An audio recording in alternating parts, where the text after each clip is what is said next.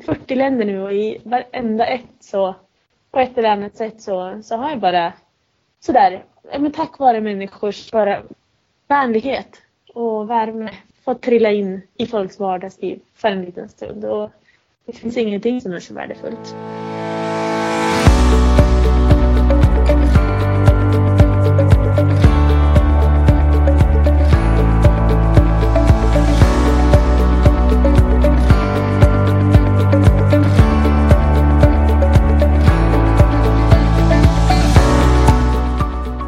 Tillhör ni dem som tycker det är för långt att cykla till jobbet?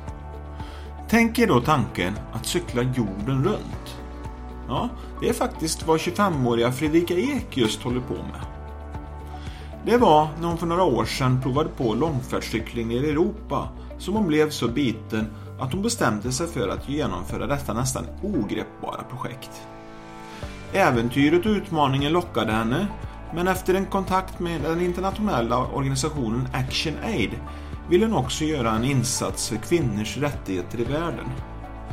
Vad passade då bättre än att starta resan på den internationella kvinnodagen? Så för två och ett halvt år sedan, den 8 mars 2015, lämnade den då 23-åriga Fredrika sitt trygga hem i Sundsvall för att ensam på sin cykel erövra världen. Resan gick söderut genom Europa, sedan österut genom Centralasien, över det tibetanska höglandet i Kina och för att sedan efter cirka ett år landa i Singapore. Därefter korsades Australien, Nya Zeeland innan det var dags att ta sig an Sydamerika från Argentina i söder till Ecuador i norr. Därifrån blev det en flygtur till Togo i Västafrika varifrån hon via en fantastisk upplevelseresa norrut nu tagit sig ända upp till Marocko där hon just nu befinner sig. Den planerade färdsträckan på 4000 mil har passerats för länge sedan och om allt går som planerat anländer hon efter 1000 resdagar sitt hem i Sundsvall lagom till jul. Jag fick via Skype en intervju med Fredrika när hon just hade avslutat en 200 mil lång ökencykling genom västra Sahara. Hör Fredrika berätta om sin fantastiska cykelresa jorden runt i det här 19 avsnittet av Peptalk. Vill ni vara med och bidra till Fredrikas insamling till ActionAid som hittills är uppe i över en halv miljon kronor så tveka inte att ta kontakt med Fredrika. Ni finner hennes kontaktuppgifter på hennes hemsida och blogg www.thebikeramble.com. Ni hittar också The Bike Ramble på sociala medier såsom Facebook och Instagram. Nu kör vi!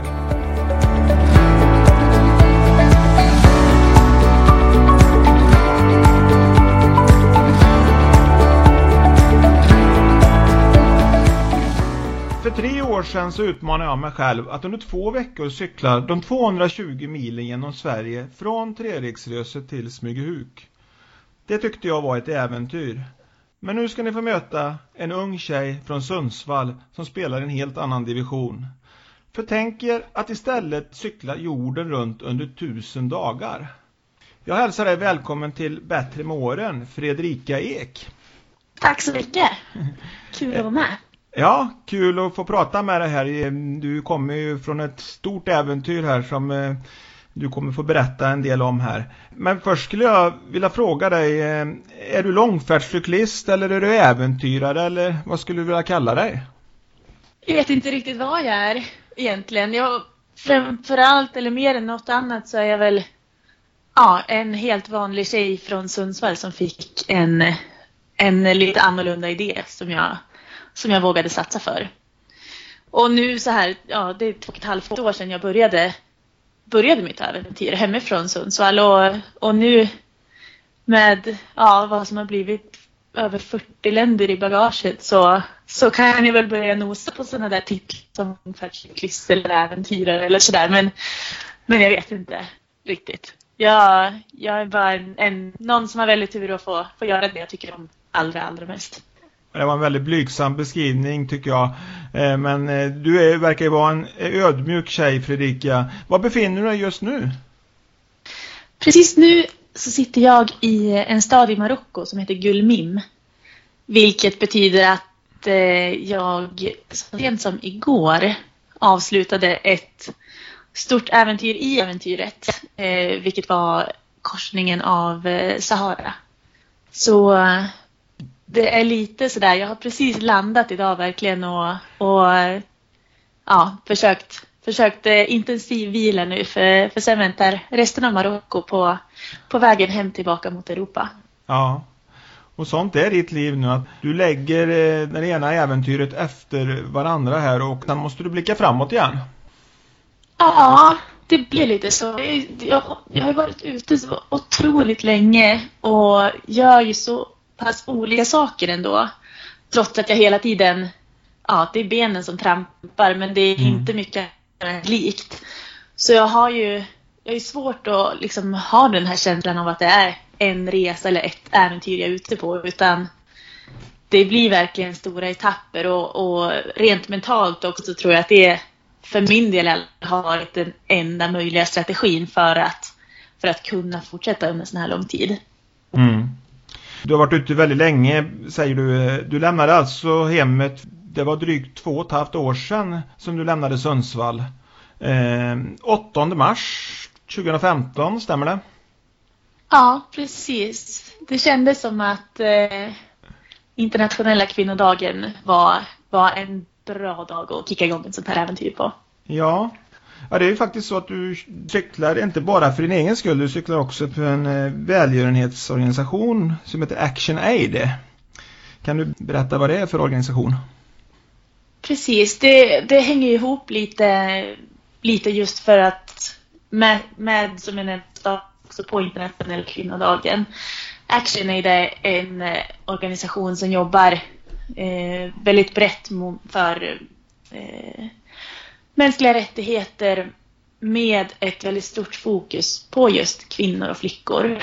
Eh, man finns idag i, i 45 länder världen över och arbetar med allt från från utbildning till att eh, eh, arbeta mot eh, kvinnlig könsstympning. Se till att man jobbar helt enkelt för jämställda samhällen.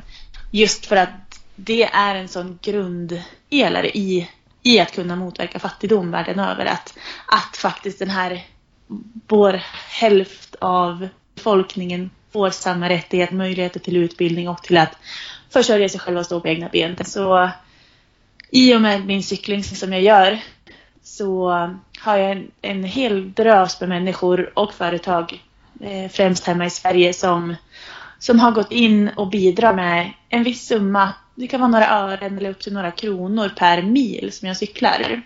Så förutom att vara en en gång i livet upplevelse för mig själv så har jag ju faktiskt den där motivationen att även på de allra regnigaste dagarna så, så vet jag att att det här trampandet det, det leder faktiskt till någonting mer än bara, bara mina egna utsikter. Så uh, idag så, ja, det känns ju helt otroligt att säga, men vi har tillsammans samlat in över en halv miljon kronor nu. Sen jag började cykla där från Sverige. Så uh, att min dröm som går i upplevelse, uppfyllelse faktiskt kan få, få betyda någonting på riktigt också. Det, det gör ju allting bara ännu mer magiskt på något vis. Ja, det förstår jag. Det är en fantastisk summa du har kommit upp i där, Fredrika. Eh, hur går man tillväga om man vill bidra? Eh, jag finns ju numera på alla möjliga sociala medier och jag har hemsidan och bloggen på thebikeramble.com. Jag är säker på att du kommer lägga upp lite länkar och sådär i, Absolut. i poddbeskrivningen. Mm. Så där finns, det finns all information egentligen. Det är superenkelt. Eh, egentligen allt man behöver göra är att komma i kontakt med mig på ett eller annat sätt. Fundera ut vad man kan känna att, att det kan vara värt att få följa den här resan och, och faktiskt vara med och bidra. Då. Eh, jag själv skänker en krona per mil som jag klär. Så när det väl har varit dags, då, vi har ju liksom olika, olika intervaller när, när vi går in och betalar in de här pengarna som vi ger.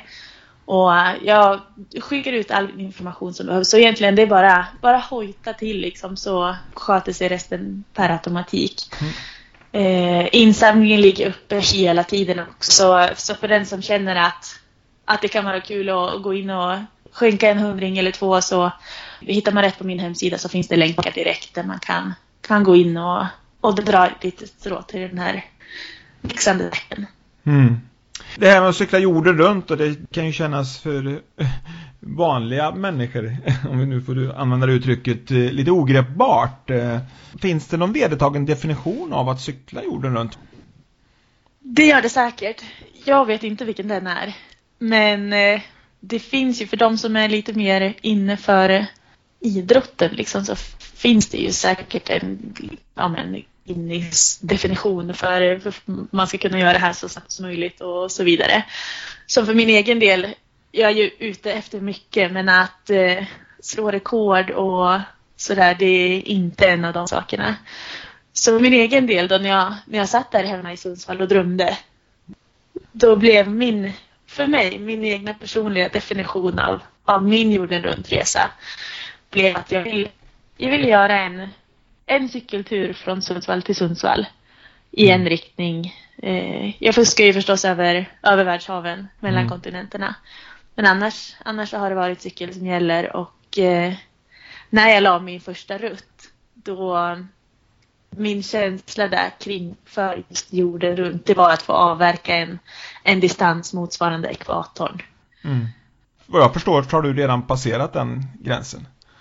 Jo men det blev ju så. Det känns ju sådär, man, ska, man säger ja, hej då hörni, nu ska jag, nu ska jag ut och cykla 4000 mil. Det är ju, ja det är ju ogreppbart för, mm. för mig lika mycket som för någon annan.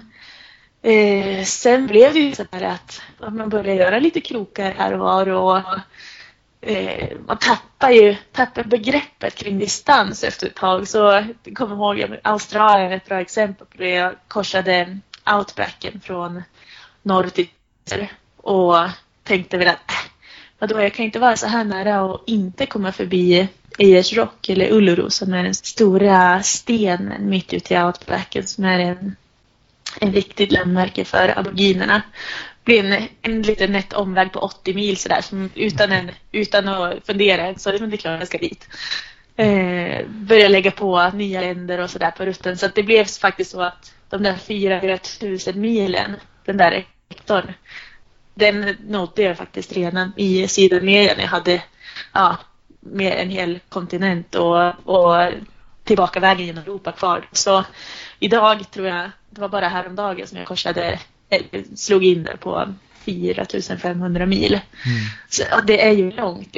Det, det, blir bara, det blir bara siffror efter ett tag. Och tidigt på resan var det ju väldigt sådär, man hade, jag hade stenkoll på antal länder och antal kilometer och klättrade höjdmetrar och ja, allt, allt tänkbart. Antal tältnätter och så vidare och så vidare. Men med, med, i och med att tiden går så, så blir det verkligen man släpper det där mer och mer och verkligen är i det här av eh, ja men fokus är liksom på upplevelsen, inte så mycket att det där jagandet av siffror och det känns lite typiskt eh, just för, för oss som uppväxt där i i Sverige med att det är mycket fokus på prestation och det ska vara väldigt korrekt så och man som för mig det jag har gjort det är ju faktiskt att sticka ut och, och lämna mycket av det där um, det här systemet eller den, den labyrint som vi visas in i liksom. Eh, så att jag tror att jag, tidigt så var man, var man ju kvar mycket i det tänket ändå på, på olika sätt. Och sen kanske mer och mer att, att jag faktiskt bara är i nuet nu. Jag förstår precis vad du menar och jag kan tänka mig att det blir mer och mer uppenbart för dig när du eh, pratar med, ja, du gör ju ett antal intervjuer så här att det kanske kommer mycket frågor om eh, hur långt du har cyklat, eh, hur mycket väger cykeln och så vidare medan värdena för dig kanske har liksom hamnat ner på ett djupare plan nu. Ja, det har nog blivit så lite, lite utan att jag märkte det från början men men det är ju roligt, jag, jag skriver dagbok som en galning. Var, varenda dag på resan då är det liksom, okej okay, nu är det dag, vad blir det, 940 någonting sådär. Och så, så har varenda dag. Kan liksom ibland bara gå tillbaka och titta lite på, bara slumpvis, slå upp en dag i Albanien eller slå upp en dag i Kirgizistan eller Malaysia eller precis vad som helst. Och det är ganska roligt bara att se redan nu när jag fortfarande är hur, hur mitt eget fokus har förändrats så pass mycket. Är det underlag till en kommande bok kanske? Eh, jag vet inte. Jag kommer ju hem med, med mycket. Så eller annat vis så ska man väl få ihop det här till något. Men, men vad det blir det, det återstår att se. Det kanske blir sådana här rövarhistorier för barnbarnen ett dag. Eller, eller så blir det något annat. Det, det får tiden utvisa. Vi får återkomma till framtiden. Jag tycker vi istället går tillbaka lite till eh, din bakgrund då. Eh, om jag säger så här, vem är Fredrika Ek från början? Var du uppvuxen och hur levde du innan du så att säga gav ut på det här? Ja, som jag sa från början, jag är en helt vanlig tjej från en helt vanlig stad i Sverige. Växte upp i Sundsvall och eh, har egentligen aldrig rört en cykel annat än liksom på väg till skolan och till träningen då. För att jag har alltid idrottat mycket och tennis var, var vad jag höll på med hela min uppväxt. Så det är roligt sådär hur, hur livet tar sin gång och, och man det är egentligen som, som var en stor vändning för mig tidigt. Det var en, eh, en handledsskada när jag var ja, men 18-19 där någonstans. Precis. Jag hade flyttat till Uppsala för att spela spela tennis på, ja men gå tennisgymnasiet för att kunna fortsätta satsa. Och sen var det, det naturliga steget därifrån hade varit att fortsätta vidare till USA för att spela college-tennis.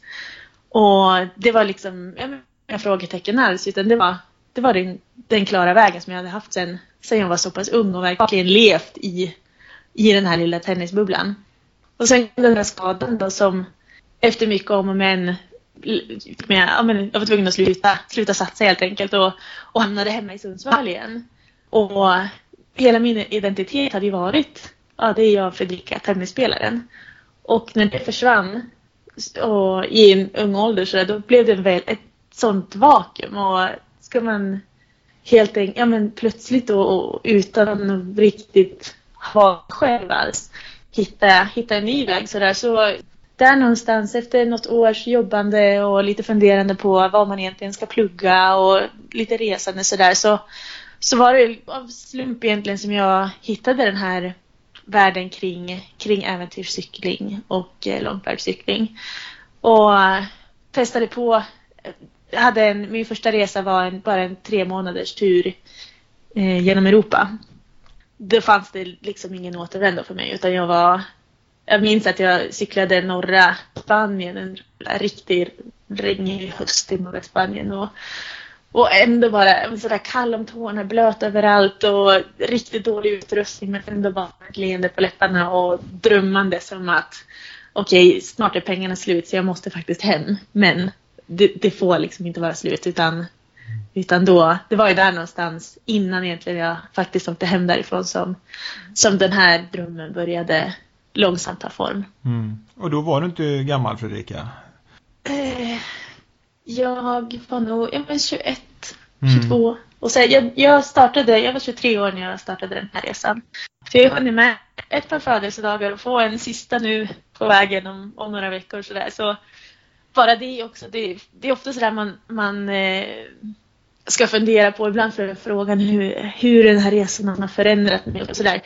Men bara, bara av att fortfarande i den åldern är liksom, att gå från 23 till 26, det är, jag tror att det händer ganska mycket inombords hos alla människor då.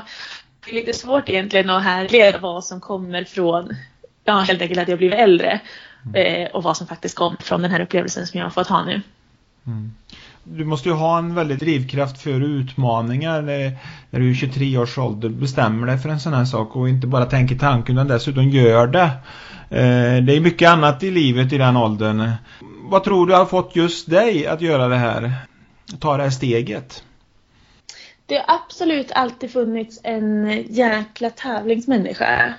Eh, I precis allting jag tagit mig för. Liksom, vill, då har det varit ja, men, idrott för min del men även allt från skola till men, det, när jag har tyckt om någonting eller när jag har velat göra någonting då har jag velat göra det bra. Mm. Eller då vill jag liksom gå all in på saker. Utan jag har, det har varit ganska mycket antingen eller, tror jag, för mycket saker i mitt liv. Och eh, då jag hittade, hittade den här cykelgrejen som jag verkligen gick igång på mer än något annat jag gjort i livet. jag är inte nöjd med tre månader i Europa. Jag vill cykla, ja. Cykla överallt. Jag vill cykla långt, jag vill cykla högt, jag vill cykla kallt och varmt. Och sen vad som faktiskt var gnistan som fick mig att faktiskt ta steget och liksom ut i det här. Det vet jag inte. För att om man kollar tidigare, jag, jag har varit en drömmare så länge jag kan minnas och har haft idéer om, om det mesta och det har varit saker som sen inte blir av. Precis så där som vi alla håller på. Man, ja. man tänker, ja, men tänk om eller en, en dag eh, kanske och, och tänk om sådär. Och jag var precis så, på samma sätt. Och sen var det just den här grejen som jag... Jag vet inte om det var bara att, att det här fick mig att känna så starkt att det, det fanns inget alternativ att det inte skulle bli av. Eh, men däremot så, just för att jag nu en gång har bevisat för mig själv att det här omöjliga steget, att ge, kasta sig ut i någonting som absolut ingen annan och kanske inte ens jag själv egentligen trott på. Men att faktiskt våga försöka och ta det här steget. Att ha gjort det en gång, det tror jag är tillräckligt för att ha bevisat verkligen på riktigt för mig själv att det går att testa, det går att försöka. Mm. Du använder uttrycket bevisa för dig själv. Det, det handlar mer om en en, en inre eh, så att säga, drivkraft för din egen skull än att bevisa för omgivningen om man säger så. Ja, jo, mm. jag tror det. Ja. Hur, hur reagerade omgivningen när du eh, offentliggjorde det här, dina planer? Eh, ja, det var väl någon middag där hemma hos eh, mamma och pappa som jag hade ja, skrivit ut ett a med världskarta på och dra en linje liksom. Det var ungefär ungefär på den nivån det låg. Så ganska länge så, så var det väl ganska mycket så lite klapp på axeln och lite halvskratt. Jag tror att det var få, och det är ju helt förståeligt förstås, att det var få, få som överhuvudtaget tog mig på allvar när, när man kommer med den här idén. Speciellt man inte har någonting och ingenting som styrker bak i tiden som kan visa om jag har gjort det här. Så att det fanns ingen anledning att, att ta mina ord på allvar. Sen däremot när det helt plötsligt står en cykel ute på gatan och när det börjar liksom beställa grejer och träna och faktiskt liksom sitter uppe på nätterna och går igenom kartor och sådär. Då, då börjar jag väl förstå, eh, bara åtminstone i familjen, att jo men det här kommer faktiskt bli av. Men det var, ja, som från min familj har jag alltid fått jättefin stöttning, även om jag inte kanske får känslan alltid av att de har tyckt att det är någonting bra eller trott att det här kommer gå särskilt bra. Men, men att få, få stöttning i att, att försöka, det, det betyder ju allt. Ja. Du pratade om planering. Hur länge planerade du den här resan innan du kunde ge dig iväg? Eh, det stora egentligen som, som jag behövde få till innan jag kunde starta, det var ju helt enkelt att spara ihop för att kunna kunna resa utan inkomst så här länge. Mm. Eh, är vi ju otroligt billigt längs vägarna. Jag bor, ja men, åker runt med mitt tält, jag har min egen transport, jag lagar min egen mat egen, i de flesta länderna. Så även om jag har en ganska låg daglig budget så, så för att kunna vara ute i tre år och med visum och flygbiljetter och sådär så och försäkringar och allting så, så blir det ju en slant så ska man vara sån och speciellt så här i efterhand när jag faktiskt vet vad en sån här resa innebär. Så det är, det är ekonomin som är den stora tröskeln. Till viss del utrustning förstås, men, men det här jag satt ju förstås liksom som alla andra och, och letade kartor och man läser på om visumregler för länder som ligger ett år bort i tiden och sådär. Och det är sånt som egentligen är helt irrelevant men ja, man sitter och harvar med det där ändå på något vis. Ja, men ett, ett och ett halvt år ungefär som jag verkligen hade bestämt mig att det är det här det blir. Och då var det spring mellan, mellan tre jobb till slut för att, för att få ihop den här reskassan. Och jag är glad att jag, att jag faktiskt ändå insåg att den här tiden hemma, den som jag faktiskt hade, istället då för att optimera utrustning eller lägga exakta rutter och sådär, att jag faktiskt tog den tiden till att umgås med min familj, att faktiskt liksom krama ur allt jag har, mina, mina vänner som jag skulle lämna hemma. Eh, det är någonting som jag är otroligt glad för idag. Att jag hade, redan då hade väckt det. Ja, jag förstår. Ensam 23-årig tjej då, ute i tre år, eh, tälta i vildmark och så vidare. Jag tror inte bara jag som skulle tänkt på säkerhet här. Eh, ja, jo men så är det ju. Överhuvudtaget, vad man än ger sig ut i att göra här i livet, så är det ju risker, risker med det. Eh, sen finns det en del risker som vi på, av olika anledningar lär oss att känna mycket mer inför. Mm. Alltså vi känner rädsla inför att slå upp ett tält i ett okänt land. Mm. Däremot det är inte så jättemånga av oss som har en pulshöjning när vi ska köra till jobbet hemma. Nej, Sen vad som är statistiskt eller så här, rent faktiskt är den största risken. Det behöver inte alltid överensstämma med, med våra känslor inför det. Och eh, det är väl någonting också som jag, som jag själv nu har mycket lättare att se än jag hade för, ja men, säg två år sedan eller där tidigt i resan. För jag tror även om jag, om jag har väl fått någon läggning där lite mer åt det hållet för att annars hade jag ju aldrig någonsin gett mig ut i det här första, från första början. Men eh, det handlar ju mycket om att eh, på samma sätt som att vi kör bil hemma att vara rädd hjälper ingen någonsin. Att vara öppen men inte dum. Eh, att vara uppmärksam men inte rädd. Jag tror egentligen det, det som jag utsätter mig för, den faktiska risken, det är att jag är ute i väldigt mycket och eh, ibland ganska eh, märklig och tung trafik. Att eh, träffa människor från andra kulturer, att sova i tält när det inte finns någon runt omkring. Det, de sakerna, det är inte eh, det är liksom inga faktiska risker i förhållande till någonting annat som vi gör i vårt vardagsliv hemma. Eh, så det, är ju, det handlar mycket om vana och erfarenhet också. Mm. Är din uppfattning att världen är inte så farlig som vi kanske går hemma och tror? Är det din uppfattning nu när du har varit ute i två och ett halvt år här och, och levt det liv som du har levt? Det är väl så att den här världen, den är allt på samma gång. Eh, den är precis lika, lika vacker som i eh, de här naturdokumentärerna vi ser på tv och den är lika som vi ser på nyheterna. Sen är det ju så, som jag, jag reser i, jag har bara varit i, i länder och, eller åtminstone i delar av länder i minst relativ fred. Och då, då, då är det, det är vardagsliv. Mm. Vart man än befinner sig. Eh, jag förstår att det är svårt att eh, berätta om din rutt eh, och sammanfatta den väldigt kort. Men kan du göra ett försök och beskriva hur du har cyklat sedan du lämnade Sundsvall? Jo, men ganska snabbt går det. Jag har ju fått göra det här några gånger. Jag började hemma uh utanför mamma och pappas hus i Sundsvall. Spenderade mitt första år egentligen med att cykla till Singapore. Så då var det raka spåret söderut genom Europa ner till Grekland, genom Turkiet, Iran, Centralasien. Var uppe, korsade tibetanska högplatån i Kina och genom Sydostasien. Så det var det första stora, stora steget. Sen hade jag månader i Australien och Nya Zeeland innan jag flög ut till Ushuaia som ligger i, i Argentinas sydspets i Sydamerika. Cyklade egentligen upp hela kontinenten längs med Anderna eh, avslutade i Quito i Ecuador innan jag flög ut till Togo. Så nu sista månaderna har jag spenderat i, i Väst och Nordafrika och eh, har som sagt precis gränsat ut ur Sahara och befinner mig just nu i Marocko.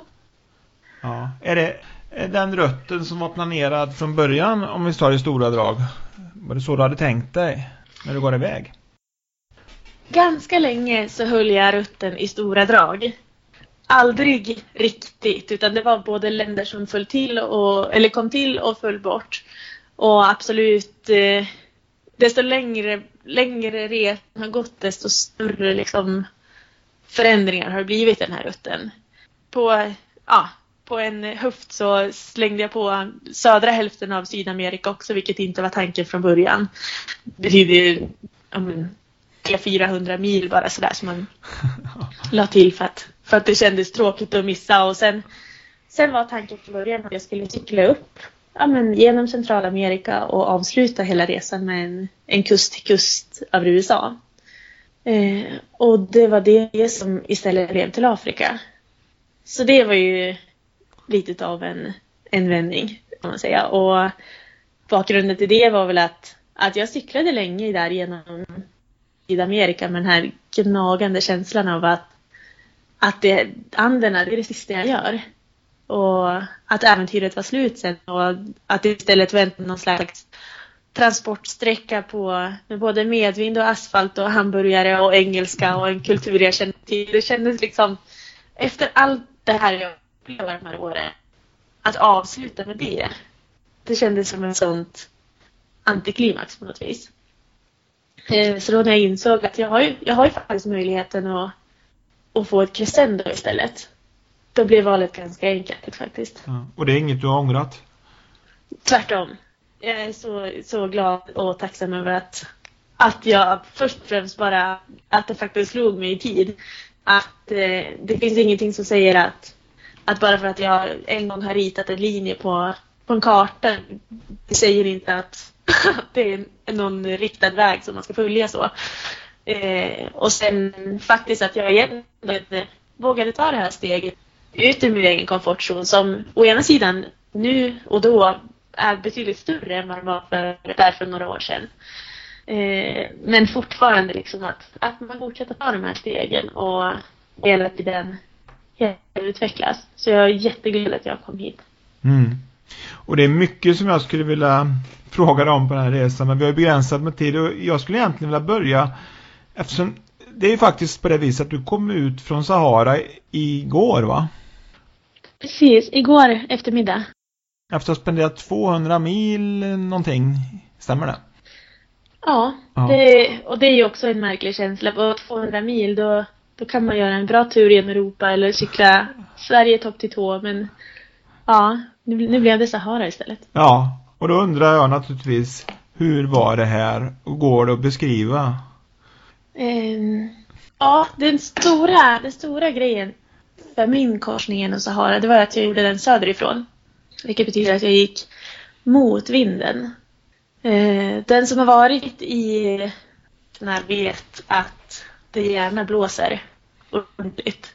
Eh, som den här, det är en 200 mil lång sträcka där vinden inte fångas av något. Eh, den lever helt fritt och vinden har en riktning. Så vad som väntar, liksom, och det visste jag på förhand, att vad som väntar det är en 200 mil tjock vägg av motvind. Och eh, det finns många utmaningar genom Sahara men på ett, på ett så blev det nästan lättare just för att, för att vinden den är, den är en så pass stor tröskel varje dag, varenda minut och kilometer att allt det andra blir relevant. Livet styr av vinden. Så det är verkligen ett eh, mindgame får man säga. För att, att cykla så, så otroligt långt i sånt, sånt otroligt långsamt tempo. Då det är en tålamodsprövning som eh, heter duga. Så jag har lyssnat på mycket ljudböcker nu sista, sista veckorna och trots att det varit sådär ja, stundtals ordentligt varmt så är det ändå liksom på med så här eh, tight buff bara för att få bort lite ljud och kunna liksom ha någonting att lyssna på annat än den här eviga vinden. Men i övrigt så, så är jag faktiskt förvånad över det själv. Jag trodde det skulle vara betydligt tuffare för ja, bortsett från vinden så har Sahara varit den absolut lättaste öknen av de fyra, fem som jag har hunnit med nu på den här turen. Eh, jag har cyklat en, den huvudled som går genom, genom Sahara eh, i stor del, i stort sett längs med kusten. Och det har varit betydligt mycket mer människor runt omkring. Bra väg. Ja, allt det praktiska kring att bära vatten och mat. Eh, hitta, kunna hitta skydd för, för att tälta i vinden och sådär. Så det, har, det har varit ja, att jag säger att nu att Sahara är väldigt lätt, det har väl att göra med också att jag har mer erfarenhet nu än vad jag haft på tidigare ökenkorsningar. Ja, jag förstår. Men eh, det, har, det har verkligen varit en överraskning hur, hur smärtfritt blev ändå. Eh, med undantag för den här, för den här blåsten då som sagt. Ja. Och jag vet ju, jag har hört dig i flera intervjuer predika att du är alltid så oerhört positiv och säger jag har aldrig ångrat en sekund och så vidare. Men genom Sahara fanns det då inte något ögonblick där du ångrade? Det är så lätt att svara på. Inte en sekund. Alltså, det, det, är på riktigt. Inte en sekund av den här resan i Sahara, i hur magsjuk man än har varit, hur ensamt det än har känts, hur mycket cykeln har krånglat, hur... Alltså, jag har varit i, i de absolut tuffaste situationerna i mitt liv och de under den här resan på, på all, i alla kategorier. Men det finns inte en sekund någon gång jag ångrat den här resan. Mm. Däremot så finns det ju en miljon tillfällen jag mer än något annat i livet vill ur situationen jag är i.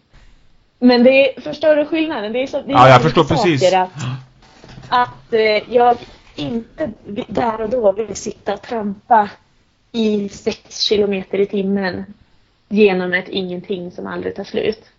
Men om någon skulle erbjuda mig, de tryck på den här knappen så är det hemma igen. Mm. Det finns inte på världskartan att det skulle hända. Så, så det är, jag tycker det är lite svårt att formulera det där. För det låter som att jag säger att nej, jag ångrar ingenting eller jag, jag, det finns ingenting jag skulle vilja göra annorlunda. Det betyder inte att hela resan har varit med solsken och, och leenden. Men det är för, för den som skulle ge sig ut för något sånt här, då är det ju omöjligt det man kan vara ute efter. Eh, ja. Eh, annars så har man ju gett sig ut på fel sak, helt klart. Ja. Nej, jag förstår ju det på ditt val där som du berättade om eh, USA och du valde Afrika. Då, då, finns det ju någonstans inom det, det är det som är själva grejen att på något sätt inte veta vad som finns bakom nästa krök och så vidare och vad man kan råka ut för. Att det inte är förutsägbart om man säger så. Ja, och sen eh, det är ju bara så att utsikter blir aldrig så vackra som när man på riktigt har fått slita för dem.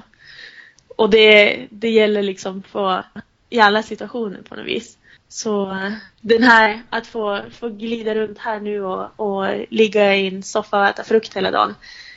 Det i sig är, liksom, är inte världens upplevelse. Men har man 200 mil Sahara i ryggen då, då är det rätt gött alltså.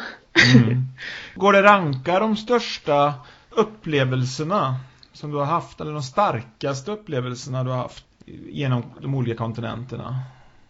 Jo, eh, det jag själv tycker det som jag kan nästan skratta åt mig själv ibland för det är ju det är alltid återkommande. Det är precis, det man precis har varit med om som är det största och det mm. bästa och just för att man har det så nära fortfarande. Så frågar du mig nu, jag är fortfarande helt uppfylld av, eh, av Västafrika. Mm. Eh, Guinea framförallt har varit ett land som ett av världens, världens minst utvecklade länder, en av världens fattigaste platser och ett av Afrikas minst besökta länder. Det finns inga guideböcker, det finns ingenting. Så eh, kommer dit och utan att ha en aning om vad man ska förvänta sig på något håll och bara möts av, av den varmaste, vänligaste befolkningen man kan föreställa sig. Och att få cykla mellan de här små, små byarna med, eh, i de runda, runda hyddorna som de bor i där med bara vinkande ungar och jätter som springer omkring och det, i städerna har de elektricitet fyra timmar om dygnet. Jag var i Serekore, Guineas näst största stad. Fyra timmar om, om dygnet oftast har de elektricitet. Mm. Sen ibland, det är ofta så man går ner runt och så klickar de på lampknappen. Nej, det vart inget idag. Och det är inga konstigheter och det är liksom, det är deras Göteborg. Men med en sån värme och en sån glädje hela tiden, varje dag, överallt. Det, det var bara, det var några veckor där som var helt, helt magiska verkligen. Och ja, också bara ett speciellt minne just från Guinea för i ett av alla de här mötena som jag har sån lyx att, att få vara med om. Så var det en kväll i Guinea när jag ramlade in hemma hos, hemma hos en, en liten familj med en eh, två dagars eh, dotter i huset. Och eh, på morgonen där innan jag skulle lämna, vi grillade majs till, till frukost och, och mamman då bestämde sig för att men hon, hon ska få heta Fika den här lilla tjejen att få, få, få vara med om sådana saker är ju... Ja, om jag hade vetat det innan jag gav mig ut på, på det här då... Ja, jag vet inte, jag får, jag får gåshud bara jag tänker på det. Det finns så många människor liksom och så många starka möten. Och det, nu som sagt så är jag helt uppfylld av det här som jag varit med om nu. Men, men faktiskt tänker man tillbaka på, på de här åren runt jorden så, så finns det den där kärleken överallt. Det är 40 länder nu och i varenda ett så på ett eller annat sätt så, så har jag bara sådär, men tack vare människors bara vänlighet mm. och värme fått trilla in i folks vardagsliv för en liten stund. Och det finns ingenting som är så värdefullt. Nej. När du berättar om de här möten med människor och få uppleva olika platser och så blir själva cyklingen på något sätt sekundär här att eh, alltså cykeln är bara ett, ett verktyg, ett medel för att få uppleva det andra. Kan man säga det så? Verkligen. Cykeln är, är verkligen ett verktyg men däremot inte bara för att för att få uppleva kulturer och få de här mötena med människor. Utan det är verkligen, jag har hunnit gå igenom så många perioder och tar man tillbaka till, till Sydamerika till exempel, som jag var i månaderna innan jag kom hit till Afrika. Det var ju bara långt upp i bergen, jag men, ett par veckor mellan byar. Och jagade, jagade, jagade de här episka miljöerna med höga pass och syrefattiga toppar och men på samma sätt är det så. Det är, cykeln det är verktyget dit. Det är inte huvudmomentet. Hade jag velat sitta på en cykel då skulle jag kunna gå på simningpass på Friskis och Svettis hemma i Sundsvall. Utan det, är, det är vart cykeln kan ta mig och till vem. Det är det som, som är, är vad som lockar mig. Mm. Du nämnde Afrika och, och Guinea här som väldigt stora upplevelser. Jag, jag har hört dig säga Tibet var någonting du rankade väldigt högt också, vad jag förstår. Mm, verkligen. Jag har några, några sådana där eh, riktiga, riktiga favoriter. Och Platån, ja, Tibet var jag aldrig innanför eh, den geografiska gränsen till Tibet i Kina. Vi är inte insläppta där som, som eh, utlänningar.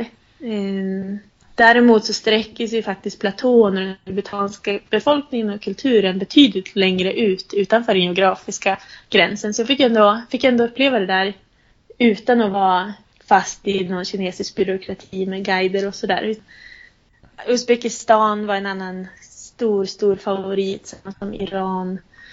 Eh, även de höga anderna i, i princip vilket land jag än var i, i, i Sydamerika, att komma högt upp i de här bergssamhällena. Mm. Ja, det är så mycket häftigt och, och verkligen överallt så, så hittar de här guldklimparna som bara, som bara sätter sig i hjärtat. Mm. Och det är naturupplevelser och möten med människor då förstår jag. Mm, verkligen, precis. Ja. Mötena med andra kulturer, är det svårt tycker du eller? Jag vet inte, jag, kanske att jag tyckte att det var svårare i början. När Sverige och vår egen kultur var så, så färskt på något vis. Nu är det så att mer och mer att eh, jag är fortfarande kvar i Marocko. Fortfarande redan nu, precis över att ha gränsat ur Sahara, få lite sån här kultur, europeisk kulturkrock. Att det känns lite för det är lite för raka linjer, det är lite för rent, det är lite för det är lite för bekant mat. Så jag tror att jag har ju verkligen men, fått leva kameleontliv nu sista, sista åren och det kan vara obekvämt, det kan vara ovant men svårt är nog fel ord, tror jag. Jag förstår. Eh, speciellt när man är, alltså när jag är på sådana här ställen, för jag har inget val. Det är, det är bara att tugga i sig vad som serveras, både, både vad, som, vad som kommer på bordet eller vart man sover eller ja, hur man, hur man kommunicerar med varandra. Så vi får se, det, det som jag tror kan bli en utmaning, det är väl faktiskt att komma hem igen. Men just mötet med människor då, om vi fortsätter där. Är du väldigt kontaktsökande eller är det så att eh, människor söker upp dig på något sätt? Eller hur sker mötena liksom? Det kan nog vara både och. Jag i mig själv, om jag tänker tillbaka liksom hemma och så, jag har alltid varit en ganska, ganska introvert person och har, jag har uppskattat att jag har alltid behövt liksom min egen, vara för mig själv och min egen tid sådär och sen aldrig varit den här som som springer runt och snackar med alla. Men däremot, nu, eh, livet som jag lever här ute, det, det är jag. Och ska jag ha, ska jag ha mänsklig kontakt, ja men då gäller det att, att skaffa den på något vis. Sen så är det ju så fint att, att det är egentligen det är få kulturer på jorden som är så inåtvända som våran hemma i Sverige. Så att, att man kommer och inte känner någon, det betyder ingenting på de flesta platserna. Och speciellt om man dyker upp som, som en ensam tjej på cykel full grejer och det, alltså, det syns långa vägar att, att jag inte kommer från, från byn liksom. Så eh, det är väl något slags samspel sådär och, och lite också beroende på, beroende på vilket läge jag själv är. Ibland, ibland så, så vill jag liksom bara, nej jag vill bara sticka ut och, och slå upp mitt tält och, och få sitta själv och titta på stjärnorna. Och sen nästa dag, då, då är allt jag vill liksom att få leka med ungarna på gatan. Och det blir lite sådär ebb och flod i det sociala på något vis. Och, och det är det som gör att man fortfarande uppskattar det så mycket. Att jag, jag får verkligen den här tiden för mig själv också i, i staden och, och många långa sträckor på egen hand ibland.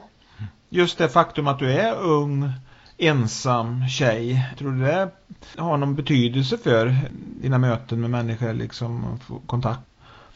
Ja, utan tvekan, ja.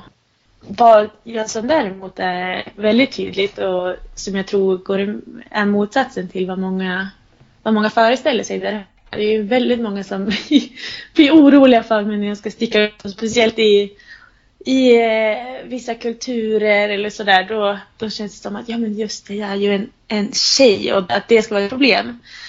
Vad som är sanningen är ju att visst, det finns en del saker som jag som jag tyvärr behöver eh, anpassa mig kring och hantera som jag inte hade behövt göra om jag reste i, i någon annan konstellation. Däremot så får jag ju så otroligt mycket mer också. Just för att jag kommer utan att framstå som ett hot för någon. Hade jag varit en skäggig snubbe som kom och in i det här, det finns inte en kvinna som hade än tittat på mig. Och nu är det sådär, man, man hinner inte ens säga hej innan man fått en unge i knät. Och alla dörrar står öppna. Och jag tror att det kan ibland vara, vara frustrerande på det sättet just att man, man eh, i många ögon ja, man ses som ett, som ett lätt offer. Men det handlar då inte om att det här ser ut som, som ett lättare byte. Men det betyder då inte att någon skulle ta den situationen utan det betyder att de vill hjälpa mig istället. Och du bor mycket hemma hos... Ja, ja, gud. Och de dörrarna hade aldrig, aldrig varit... Ja, det, det är så många, så många fina upplevelser, så många kvällar med människor som jag vet att jag aldrig hade fått vara med om. Det är ibland bara tydligt och ibland, och ofta till och med uttalat att det här hade aldrig hänt om, om jag hade haft med mig en kille eller om jag hade varit en kille. Eh, så det är lätt liksom att se och bara se det där, det där skrämmande, det där negativa som, eh, som det ska innebära då för mig. Men, men verkligheten är att, att för min del så är det allt, allt det fina det här ger, det, det är värt att ibland få, få ha, ja, men, ta hand om situationer som, som jag hade sluppit annars. Mm. För du har haft tillfällen där du har haft sällskap också under resan vad jag förstår. Precis, det är ju någon gång då och då står, så hamnar stjärnorna i linje och eh, man stöter på en, en annan kvist på väg åt samma mm. håll.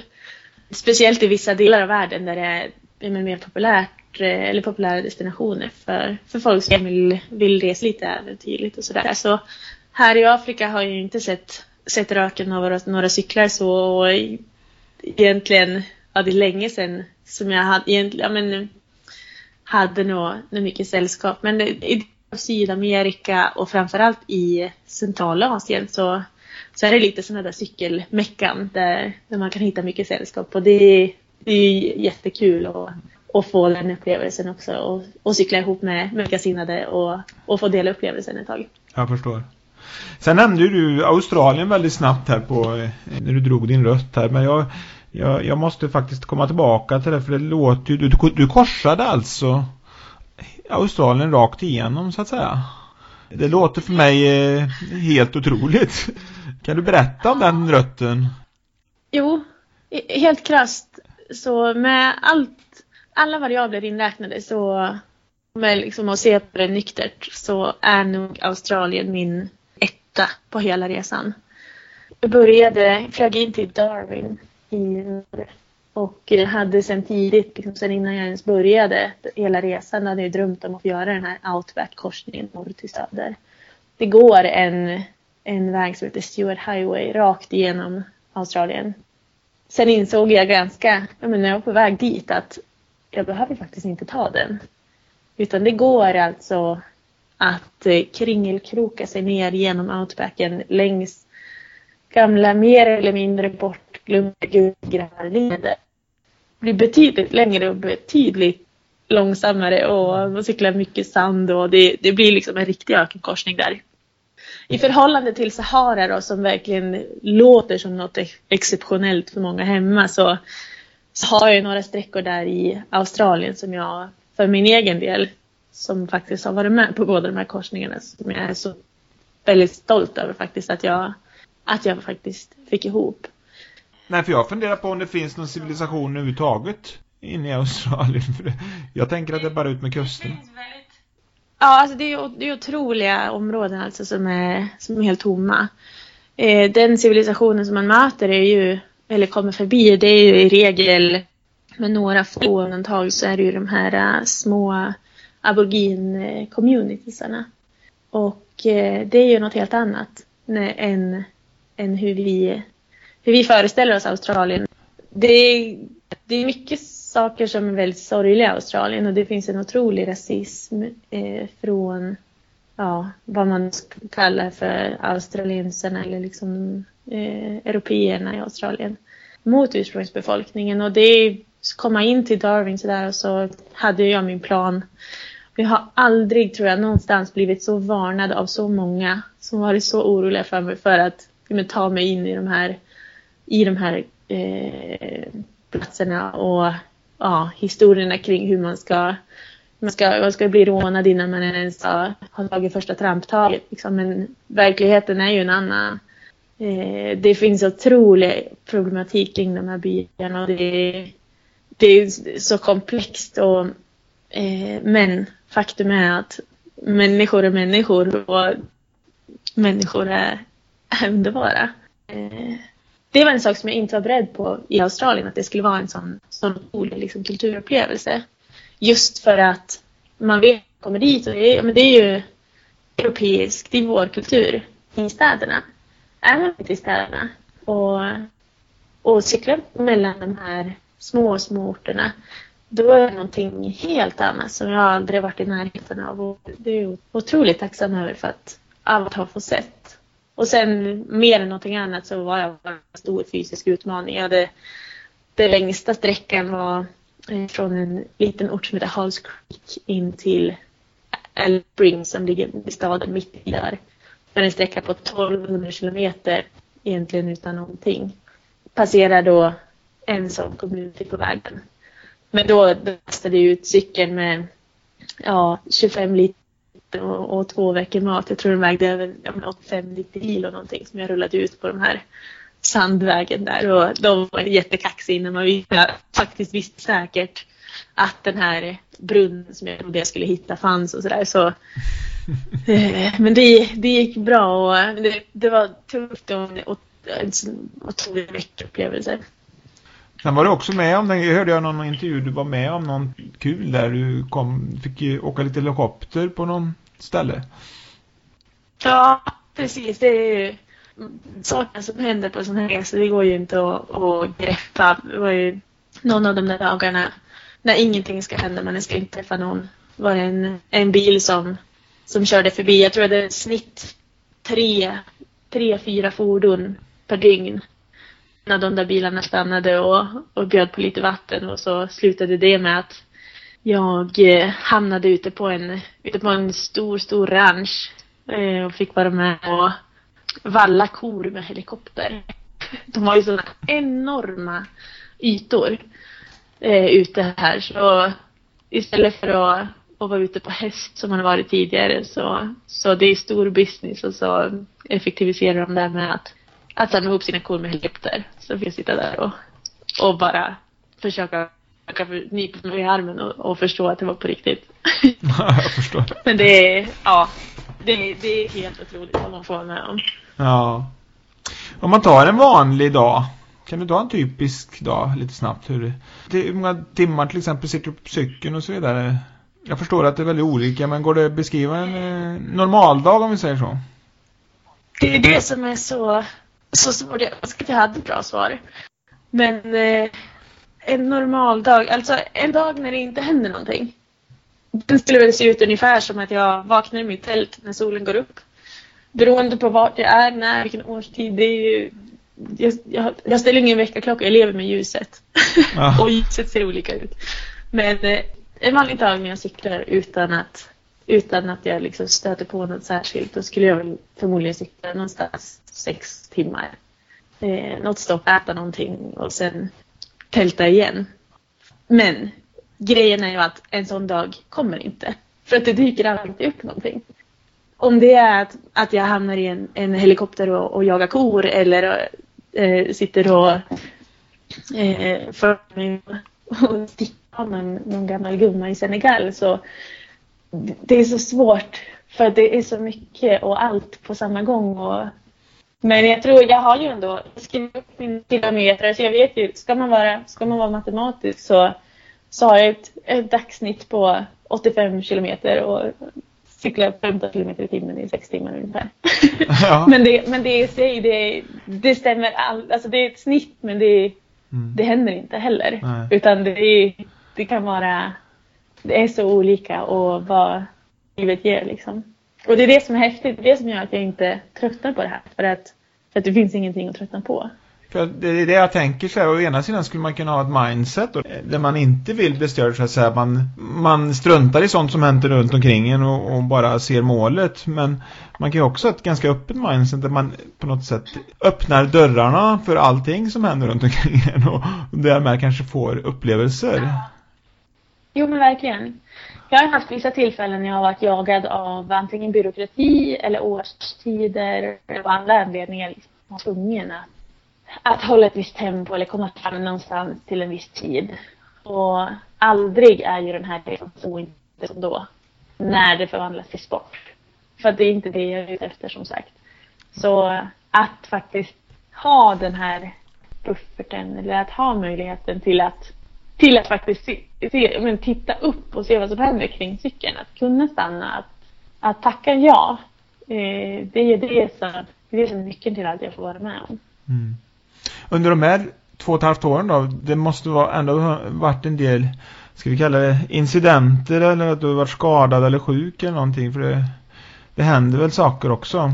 Har du, har du råkat ut för någonting där, där du har varit riktigt rädd? Eh, ja, gud. Absolut. Men det är på samma sätt som jag tror det är sällan man, man går två och ett halvt år hemma utan, utan någon upplevelse eller utan att ha varit sjuk också. Så så det är en del av livet, ifall mitt vardagsliv och de situationer jag hamnar i ser annorlunda ut än, än för de flesta. Men på två och ett halvt år och det livet som du lever så eh, du har aldrig känt fara för liv så att säga? Som sagt så är den faktiska risken som jag tar och det som är vad jag måste påminna mig själv att inte bli loj i trafiken. Ja, just det. Jag skulle kunna dra, dra liksom rövarhistorier om, om så här, adrenalinstinna möten med människor och sådär och de finns. Men vad som är på riktigt, det är trafiken. Så, och det är ju en sån lurig grej också för att jag vet ju faktiskt inte när det har varit nära ögat. För jag vet inte vad som bilarna som passerar mig. Eh, så att det, när jag har känslan av att någon kör om mig för tajt, det behöver inte vara den gången det bränner till egentligen. Eh, så det är ju det, det är den läskiga, den läskiga biten. Och, och vad som faktiskt har hänt och det var att jag, jag eh, fick en, en liten smäll i, i Australien också. Okej. Okay. Ute längs eh, sydkusten, jag höll på att avsluta där. Så haft någon, ja egentligen en sån riktigt nära ögat då. Men eh, ja, jag cyklar fortfarande så, så förhoppningsvis så, så får jag ta mig hela vägen hem igen du har klarat det bra och mår bra, förstår jag. Ja, ja, gud. Det, jag tror att kroppen, kroppen tycker nog också, inte bara, bara hjärtat. Att få vara ute, få röra på sig och sådär. Så, ja, jag mår bra. Ja, du kommer vara en grym, stark cyklist sen när du kommer hem. cykla länge och långsamt kan jag göra. Mer än så vet jag inte om jag har att bjuda på. Nej. Om man säger så här, vad längtar du efter mest just nu? Varje gång jag har fått den här frågan längs hela min resa, då är det ju hem jag längtar. Jag, jag längtar efter min familj och längtar efter mina vänner. Däremot nu så börjar jag ju faktiskt närma mig och det börjar bli lite den här, du vet, magnetkänslan att alltså, utifrån lite grann. För att så mycket som jag längtar efter det där så vet jag ju att jag kommer sakna det här samma sekund som jag kliver av däcken där hemma. Och jag, jag verk, alltså på riktigt så jag ser jag otroligt mycket fram emot att få komma hem nu. Eh, tusen dagar är en tillräcklig tur. Till och med för mig. Så däremot vad, vad som gör att det faktiskt inte känns jobbigt att komma hem, vilket jag tror hade gjort annars, det är att, att jag redan har nästa äventyr eh, klart för mig. Så lika mycket som, som hemkomsten blir, blir ett avslut så, så blir det snart en, en ny start också, vilket känns otroligt häftigt. Ja. Och det, det, är någonting som du har planerat eh, men kanske inte vill avslöja här, antar jag? Nej, jag, jag ska väl vänta med att, att säga för mycket, men, eh, men det blir en, en bra...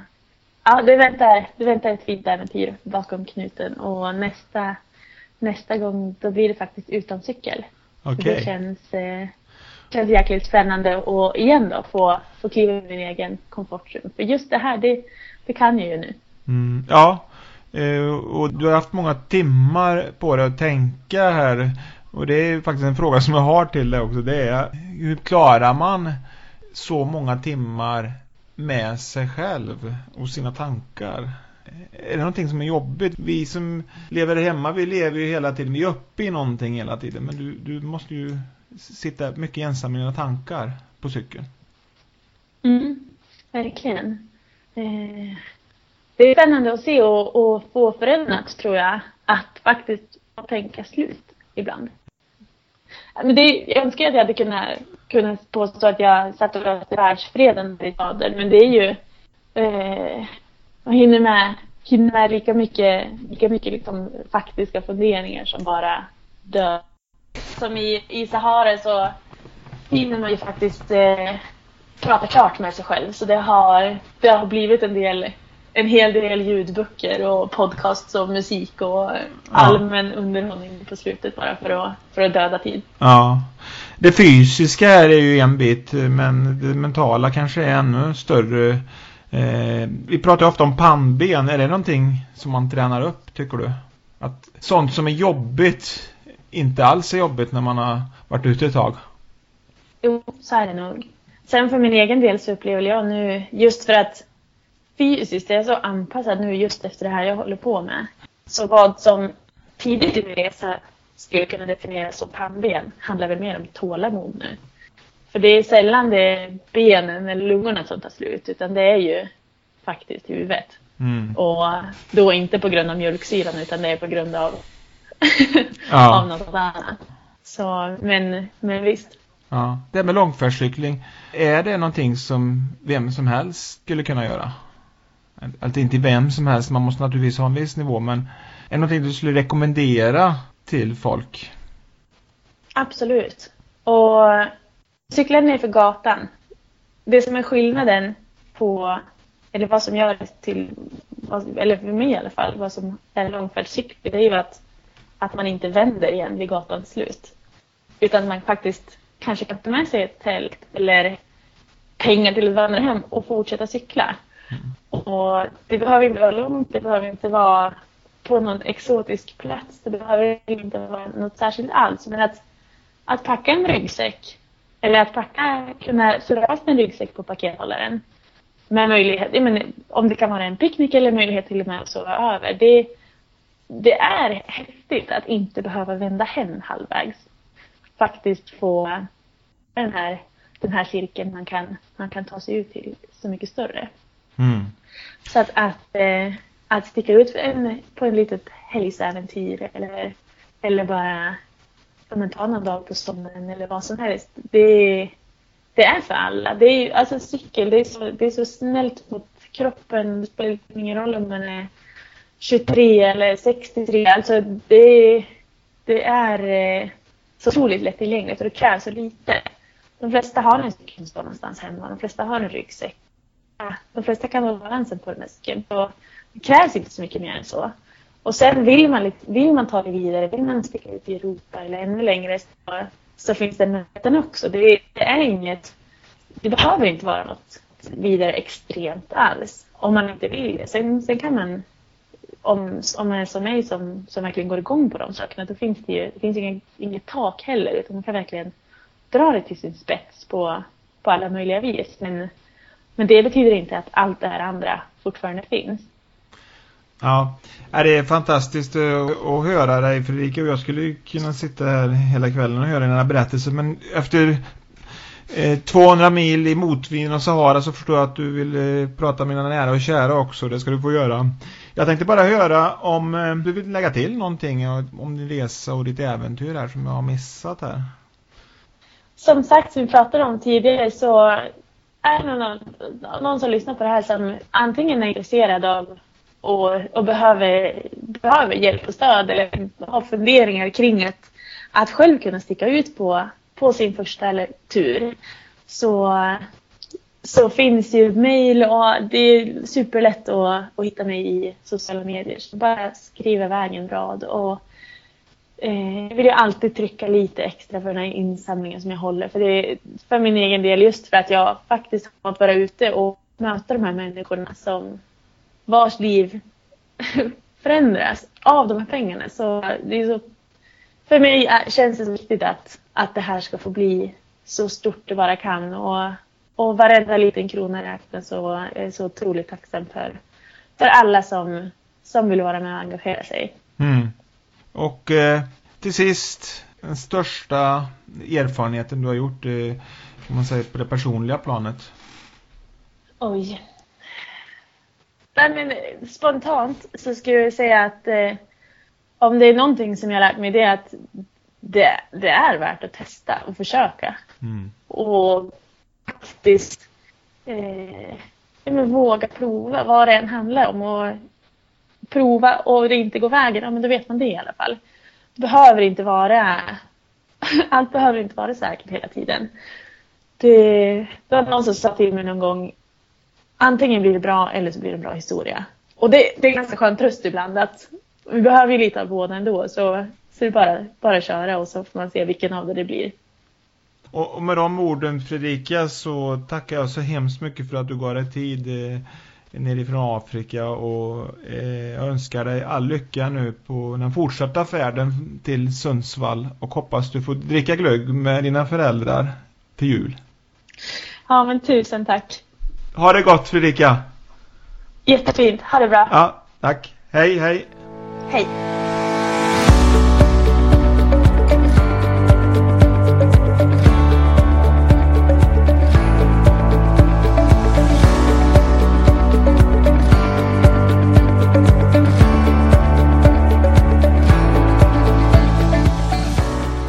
Den poddradion producerades av mig, Stefan Wendt. Genom Bättre med åren vill jag inspirera till en aktiv livsstil för ett längre, friskare och roligare liv.